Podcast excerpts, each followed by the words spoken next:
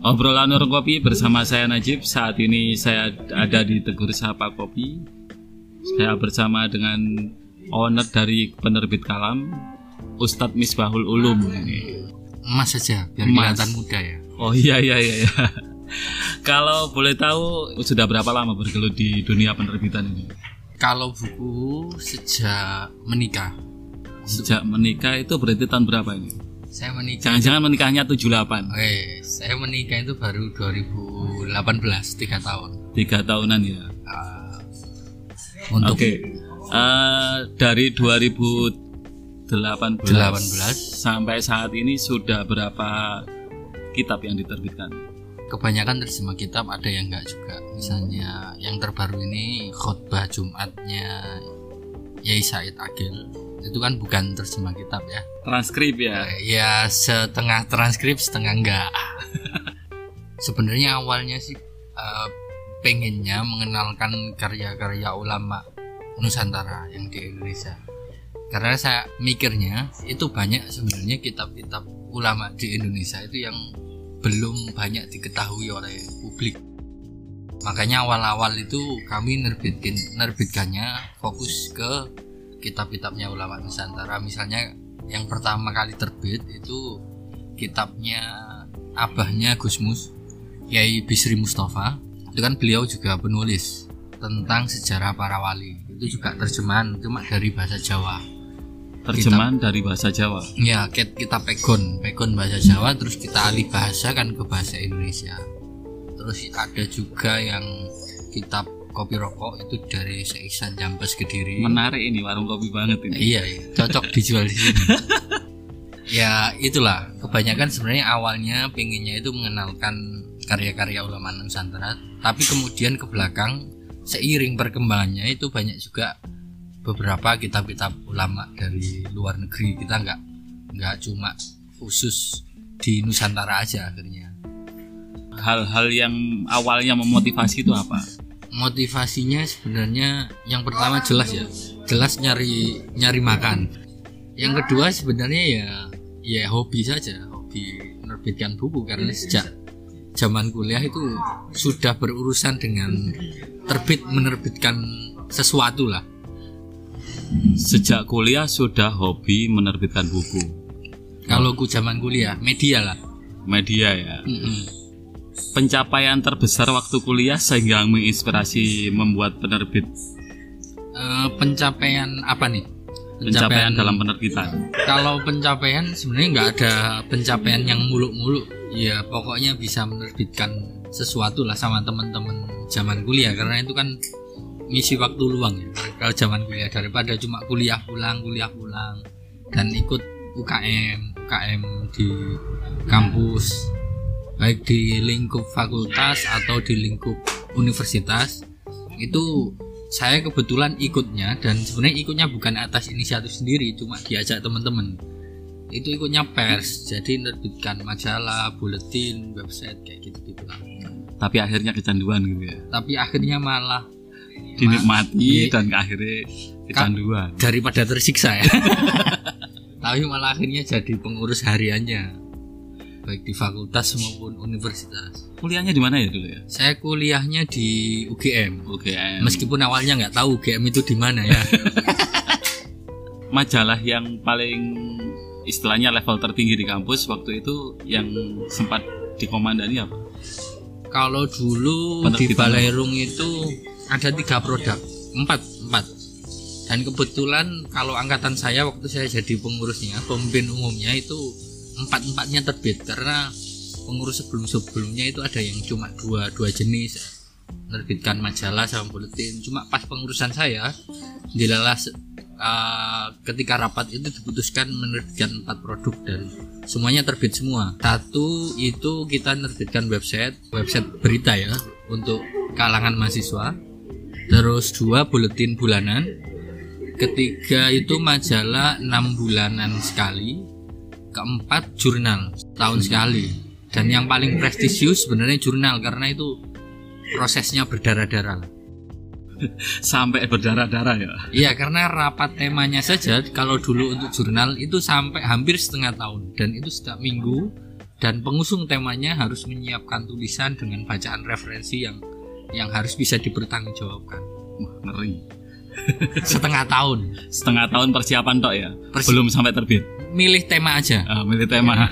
belum nulis dan lain-lain kan? Itu publikasinya dijual atau gimana? kalau jurnal dulu itu kita dijual. Kalau jurnal dijual dan beberapa memang dikoleksi oleh lembaga-lembaga luar negeri seperti perpustakaan di Amerika. Itu Pak Ben Abel biasanya tiap tahun sekali itu ngambil uh, karya-karya kita termasuk salah satunya jurnal untuk dibawa ke Amerika ditaruh di perpustakaan dan kebanyakan kalau jurnal itu kita jual untuk publik biasanya. Ka- kalau majalah sebagian dijual sebagian dibagikan. Kalau buletin dibagikan. Website juga. Hmm, berarti banyak free-nya ya. iya banyak free-nya. Karena itu kan dananya juga dari dana, Dana mahasiswa. kampus, ya, dan mahasiswa. meskipun sebagian juga kita dapat pendanaan dari iklan cuma belum seberapa lah untuk menutupi ongkos produksinya. Berawal dari situ bedanya di penerbitan kampus dan penerbitan mandiri ini. Hmm. Iki bedane nang di, tantangane nang di. Eh, yang satu yang jelas bedanya kalau kampus nggak ada duitnya Eh, karena nggak dibayar kan ya ya. karena free. Kemudian kalau kedua di kampus itu lebih ribet menurut saya karena mengurusi orang banyak dengan semangat muda yang sangat menjunjung idealisme.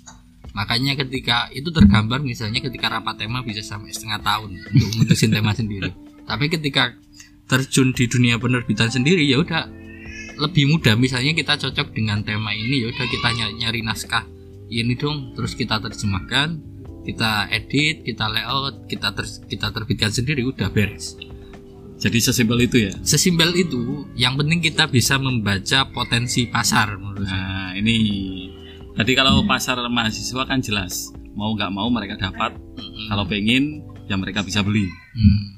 Kalau nggak dapat gratisan. Iya. Nah, kalau yang mandiri ini kan mulai dari ide sampai marketing sampai pemasaran sampai dengan pola ini sendiri ya.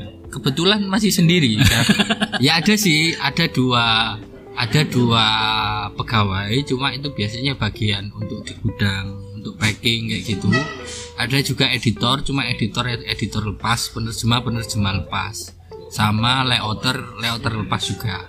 Hanya bukan bukan yang tetap karena kita kan belum bisa untuk memproduksi rutin sebulan berapa buku yang harus terbit belum sampai ke level itulah. Dari sisi penjualan judul buku yang diterjemahkan atau yang diterbitkan prestasi tertinggi berapa lem- berapa eksemplar itu? Eh, berapa ya?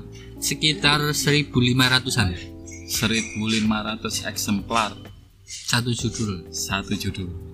Pencapaian tertinggi gue. Ya, dan itu masih on the way ya, masih kemungkinan masih mau cetak ulang lagi. Ada beberapa naskah yang ini kebetulan mau cetak ulang.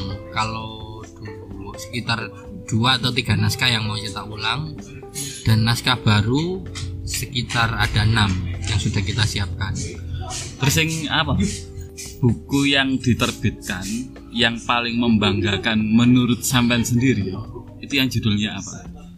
Kalau membanggakan menurut saya yang terjemah Hujjalu Sunnah Karangan Ya ya Jali Maksum Krapia Jogja apa yang bikin buku itu membanggakan menurut sampean? Karena satu terjualnya paling banyak Dan Ya. paling cepat Belum sampai setahun Itu sudah 1500 hampir habis. Hampir habis ya. Ya belum sampai setahun. Pertama itu Nah. Dari sisi keterjualan. Kedua Itu juga Santri-santri Krapia sendiri Itu juga mengambil dari kita Untuk dingajikan di sana. Itu menurut saya Satu kepuasan tersendiri ya Karena bisa diakui bahkan oleh pondok pesantrennya sendiri Untuk dibikin ngaji Dibuat ngaji. Dan pernah juga eh, Dibuat ngaji di Cafe di salah satu cafe di Jogja. Itu kan ada kafe namanya kafe basa basi. Itu milik miliknya Pak Edi. Pak Edi itu juga punya penerbitan sih. Namanya Diva Press penerbit yang dalam jajaran atas lah kalau penerbit Indonesia Iya. di Indonesia. Nah itu beliau karena alumni pesantren juga beliau juga ngaji kitab itu dan pakai dari terbitan kita untuk ngaji di kafenya selama bulan puasa kemarin. Buku yang diterbitkan oleh penerbit sampean dipakai oleh owner penerbit lain. Ya dan itu penerbit prestisius Ah. yang besar. Sangat bro. Itu kan kepuasan tersendiri iya ya. iya iya. Selain cuan tadi Iya, ya. selain sisi keterjualannya meskipun ya kalau ngomong cuan sebenarnya kalau di dunia perbukuan itu kalau ngomong ya nggak terlalu besar karena banyak potongan-potongannya Mm-mm. sebenarnya ya. Tapi karena ya emang berawal dari hobi ya seneng-seneng aja meskipun uangnya nggak banyak. monggo diseruput dulu Hmm, oke. Sambil ngeruput ya. Oh iya satu lagi sebenarnya kita juga nggak nggak apa namanya cuma dicetak ya. Bergeraknya nggak cuma dicetak sebenarnya kita. Kita ju- juga udah mulai ke yang versi digital untuk menjangkau pembaca yang uh, jauh-jauh seperti di luar negeri, orang yang, Malaysia, orang yang Singapura. malas bawa buku ke mana-mana Iya atau orang yang malas bawa buku ke mana-mana itu kita juga uh, sudah menyediakan versi digital karena melihat perdebatan uh, beberapa tahun belakangan itu kan juga sangat sangat menarik ya apakah dunia cetak mencetak itu akan mati dalam beberapa tahun ke depan untuk digantikan oleh dunia digital full atau akan tetap hidup dan oleh karena itu menjadi pertimbangan kita untuk merambah Sama ke ya. arah dunia dunia digital terlepas nanti mau mati apa enggak yang jelas kita sudah punya dua-duanya Iya. baik di lini fisik atau di lini digitalnya Kalau menurut prediksi sampean sebagai owner penerbit ini ya, buku kertas dan buku digital, ini kira-kira perjalanannya nanti ke depan gimana? kalau saya masih percaya kalau buku cetak versi cetak itu masih akan tetap ada peminatnya kalau dianalogikan media misalnya kayak radio itu sampai sekarang juga masih hidup termasuk bahkan sekarang ada podcast kayak gini kan Iya iya iya iya. ini kan Makasih. ini kan sebenarnya menghidupkan perkembangan dari Radio. radio, Nah. sebenarnya kayak gini ini dan buktinya walaupun ada YouTube ada apa uh, konversi digital yang sangat luar biasa nyatanya ini juga masih tetap hidup. Bahkan bisa mendompleng untuk ke sana juga pakai. Dan kalau dunia perbukuan keunikannya menurut saya kalau saya sebagai penikmat buku karena sebelum menerbitkan buku saya berangkat dari penikmat dulu ya. Iya iya iya. itu memba satu membawa buku fisik itu lebih ada kenikmatan tersendiri. Terlebih kalau bau kertas. Wah, itu sangat nostalgik sekali menurut saya. Makanya ketika boyong dari Jogja itu saya memboyong sekitar satu ton buku. Satu ton. satu ton. Dibawa sendiri atau pakai ekspedisi? ya pakai ekspedisi. Kalau bawa sendiri bisa repot ya. Karena dulu zaman gila saya suka hunting buku-buku lawas-lawas yang yang sudah nggak diterbitkan lagi. Di pasar loak pasar loak di Jogja sana kan banyak ya Banyak buku-buku yang kuno, klasik, Hmm, yang istilahnya kalau dicari sekarang udah nggak ada lagi. udah nggak ada meskipun itu masih relevan dan menarik. Misalnya eh, buku-bukunya kalau zaman dulu ya saya nyarinya itu yang kayak bukunya Romo Mangun. Anak-anak zaman sekarang jarang mungkin yang tahu Romo Mangun kan dengan nama besarnya. Iya. Nah itu zaman saya kuliah pun juga sudah sangat sulit karena belum dicetak ulang atau buku-bukunya MH yang lawas-lawas MH Ainun Najim Mm-mm. atau buku-bukunya Gus Dur. Atau siapa lagi ya ngarang lawas-lawas itu. Eh Mahbub Mahbub Junaidi. Meskipun sekarang sudah dicetak ulang ya. Tapi sebelum dicetak ulang sekarang saya sudah melengkapi koleksi buku-buku lamanya Mahbub cetakan lama. Iya, lebih anu ya, lebih nostalgik lagi ya. satu lebih nostalgic dua itu kalau misalnya hunting buku lama terus bisa dapet itu rasanya kayak nemu harta karun meskipun harganya lebih mahal daripada versi barunya sekalipun ya buku lawas itu karena Ada kalau historinya gitu ya memang. ya ada histori Nilai historinya yang bikin lebih, dia lebih mahal. iya nilai story dan dokumen nilai dokumen Iya. dokumentasinya itu kan yang misalnya saya dulu dapat bukunya humor-humor jurnalistik yang punya Mahbub itu yang sekarang sudah dicetak ulang sama Diva penerbitnya Pak Edi. Itu saya dulu dapatnya malah lebih mahal dari harga baru sekarang. Harganya dulu saya beli kasih itu 180 kalau nggak salah. Sekarang harganya nggak nyampe 100 yang baru ya. Nggak nyampe 100 iya. Itu uniknya buku meskipun lama nggak misalnya nyetak buku sekarang terus nggak laku-laku. Makin lama itu biasanya makin mahal. Makin mahal. Karena yang dicari nilai klasiknya. Nilai klasiknya termasuk kayak buku-bukunya Pram Hmm, buku-bukunya Soekarno yang DBR itu yang cetakan pertama-pertama itu pasti sangat mahal. Bahkan ada yang puluhan. Puluhan juta. Puluhan juta. Untuk dikoleksi ya itu ya. Untuk dikoleksi. Atau buku-bukunya orang-orang kiri zaman dulu.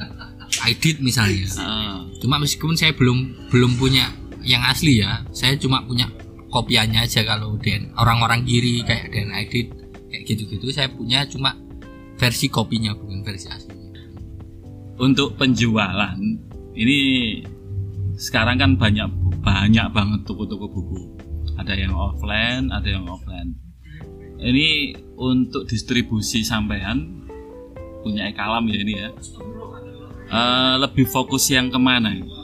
Kalau kami sebenarnya lebih fokus ke online ya. Hmm, jadi um, manfaatkan jaringan-jaringan toko-toko buku online terutama sama ya ada beberapa agensi buku. Agensi buku agen itu biasanya yang nyetor ke toko-toko buku ya. Iya iya.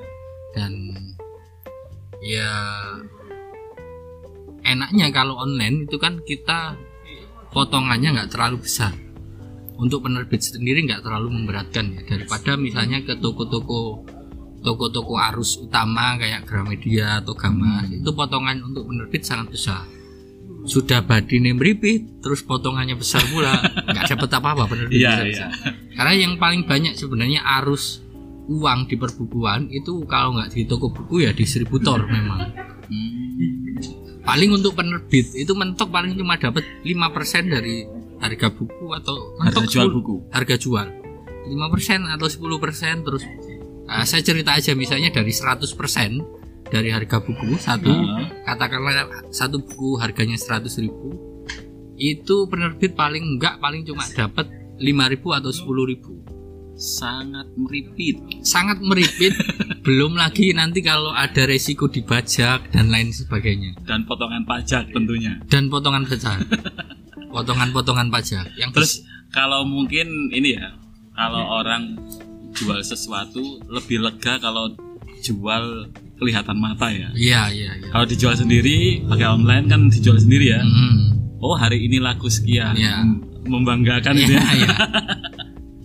jadi kita juga eh, toko-toko online sementara bu- eh, belum belum lah untuk merambah ke toko-toko offline karena mempertimbangkan eh, ya tahu diri kita belum belum belum jadi penerbit besar eh, jadi belum bisa untuk nyetak berapa puluh ribu untuk disetorkan ke toko-toko buku offline karena ada syaratnya kan kalau toko-toko arus utama itu harus berapa ribu untuk disetorkan ke tokonya dan dibagi seluruh cabang Indonesia kayak gitu Itu berarti stok mandek ya. stok mandek dan itu pun mereka setorannya katakanlah dari 2000 eksemplar yang kita setorkan sebulan paling ya 100 itu udah bagus. Nggak sumbut sama modalnya kan ya? Mending diputar sendiri. iya kecuali untuk buku bestseller ya. Dan kalau lihat teman-teman perbukuan di Jogja itu memang menyenangkan. Kalau lihat orang-orang perbukuan menyenangkannya itu gini. Dari sebanyak to- sebanyak itu toko buku yang ada di Jogja itu hidup semua. Dan penerbit-penerbit itu orang-orangnya enak-enak sekali. Misalnya untuk diajak ngobrol kayak gini baik itu penerbit gede arus utama kayak Diva Pak Edi. Itu kalau diajak ngobrol-ngobrol gini juga orangnya enak. Artinya saling support nggak ada Persaingan gitu nggak ya. ada persaingan persaingan antar penerbitan. Itu nggak ter- ya ada mungkin tapi nggak terlalu terasa. Iya, iya, iya. Jadi mereka justru sharing ya. ya sharing sharing. Karena eh, menurut saya akhir-akhir kalau ke depannya itu yang le- lebih sustain itu sebenarnya kolaborasi bukan persaingan saling mati-matian untuk membunuh. Kolaborasi lebih ini ya, lebih lebih hidup nanti. iya lebih memungkinkan lah. Kayak misalnya contoh kolaborasi kalau di dunia penerbitan misalnya kita sewa naskah.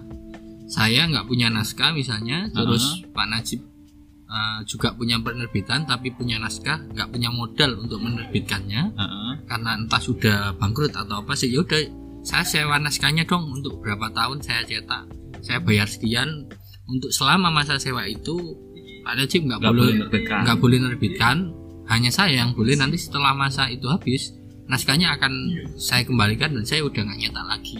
Misalnya dan nggak boleh nyetak lagi ya, dan sesuai boleh- perjanjian ya. Iya dan ya kolaborasi kolaborasi seperti itulah yang bikin eh, penerbit-penerbit Jogja meskipun ada yang eh, mati segan hidup, Hidup tak mau hidup pun enggan itu juga akhirnya masih bisa hidup lah dikit-dikit dan kayak gitu-gitu itu Iya. Tentang minat baca ya. Iya Menurut data-data yang eh, sumber-sumber publik, ini kan menurun. Ini trik apa yang akan diambil oleh penerbit-penerbit ini? Saya kira saya saya dari dulu termasuk orang yang agak skep- skeptis ya dengan anggapan minat baca rendah itu Iya. Karena saya melihat sendiri misalnya eh, dari sekian banyak toko buku yang ada toko buku yang ada di Jogja itu hidup semua dan setiap hari juga melayani pembeli semua. Atau eh, ya mungkin itu bisa dikhususkan kasus Jogja ya. Iya. Tapi saya kira kalau misalnya banyak toko-toko bukunya teman-teman di Jogja yang online itu juga pasti nggak melayani cuma di Jogja seluruh Indonesia. Dan Seluruh. itu sehari pun satu toko kadang ada yang kirim sampai 200-300 buku. Berarti eh, teori bahwa minat baca in- masyarakat Indonesia menurun itu bisa dibantah dengan itu ya? Bisa. Dan menurut saya bukan menurun lebih tepatnya sebenarnya. Eh, beralih. Beralih. Misalnya kalau dulu orang-orang banyak baca buku, sekarang beralih banyak baca Twitter atau scroll-scroll timeline. Itu kan baca cuma Iya, iya, iya. medianya jadi beda kan ya. Nggak baca buku lagi. Cuma kalau kalau untuk ketahanan membaca panjang, membaca panjang, misalnya membaca satu buku dibandingkan dulu, itu saya sepakat kalau memang menurun. Hmm. Jadi ketahanan untuk membaca panjang satu buku itu masyarakat sekarang lebih menurun daripada dulu-dulu lah ya. Menurut data beberapa data yang saya dapat terakhir. Ya efek salah satu mungkin efek media sosial juga. dan digital ini ya. Ya era-era digital itu. Itu makanya beberapa media pun mereka akhirnya harus menyiasati eh, menampilkan teks dengan dibarengi visual-visual yang menarik misalnya infografis kayak gitu ya Hmm. itu salah satu salah satu cara untuk merangsang daya beli mas daya baca ya bukan daya beli masyarakat Dan kalau daya baca meningkat, daya beli juga meningkat dong. jelas jelas dan kadang itu saya saya lihat pembeli buku itu nggak nggak harus membaca kok saya yakin misalnya eh, buku yang booming kemarin beberapa tahun belakangan ya misalnya bukunya Gus yang soal Gus Dur menjerat Gus Dur itu kan laku ratusan ribu saya pikir dari ratusan ribu nggak semuanya lah dibaca ada yang gaya-gayaan untuk difoto di medsos doang Iya, aku udah punya loh, Hanya gitu. punya. Ada yang koleksi dibaca nanti. Ya, ada yang koleksi dibaca nanti. Ya nggak apa-apa lah. Yang penting yang penting beli. Sebagai penerbit, iya. kepuasan sendiri kalau ada yang beli. Dan untuk menghidupi orang-orang penerbitan karena yang dihidupi kan nggak cuma penulis, nggak cuma editor, banyak sekali lah elemen-elemennya. Ada juga yang bagian pemasaran tadi Bagian ya, bagian angkat-angkat di gudang. dengan komponen-komponen uh, penerbitan tadi yang banyak. Harapan ke depannya gimana terhadap masyarakat khususnya non penikmat buku sehingga jadi nikma, bisa menikmati. kalau saya sih orangnya jarang berharap ya. karena kalau banyak berharap nanti bisa sakit hati. Eh, kalau saya sih yang penting ya orang-orang mau baca entah itu baca apa pun lah. Karena kemajuan suatu bangsa saya bisa diukur dari tingkat bacaan masyarakat sebuah negara itu. Makanya kita bisa lihat misalnya kalau di luar-luar negeri ya untuk bacaan industri penerbitan itu juga lumayan maju karena memang masyarakatnya suka baca. Yang perlu digarisbawahi kan yaitu tadi tingginya Minat baca. minat baca itu biasanya sejalan seiring dengan kemajuan suatu negara, suatu bangsa. Kalau ada semacam ungkapan sepandai-pandainya orang adalah orang yang meminjam buku dan sebodoh-bodohnya orang adalah orang yang meminjamkan buku. Iya. Gimana menurut Ya sepakat. Memang karena kalau minjemin buku itu sering nggak kembali. Serius. Karena saya biasanya kalau ada teman yang minjem mau nggak dipinjemin itu teman sendiri. Iya, iya. Mau dipinjemin itu biasanya juga nggak balik meskipun teman sendiri. Iya. Ya saya sangat sepakat dengan uh, quote itu karena memang ya kenyataannya begitu. Kenyataan. Oke, obrolan dengan Mas Ulum eh, di warung kopi eh, Tegur Sapa Kopi hari ini cukup dulu Mas Ulum ya. Terima kasih Oke, atas sama-sama. eh, waktunya berkenan untuk ngobrol dengan saya di obrolan warung kopi. Terima kasih. Obrolan warung kopi hari ini cukup. Saya Najib undur diri. Sampai jumpa di obrolan warung kopi berikutnya.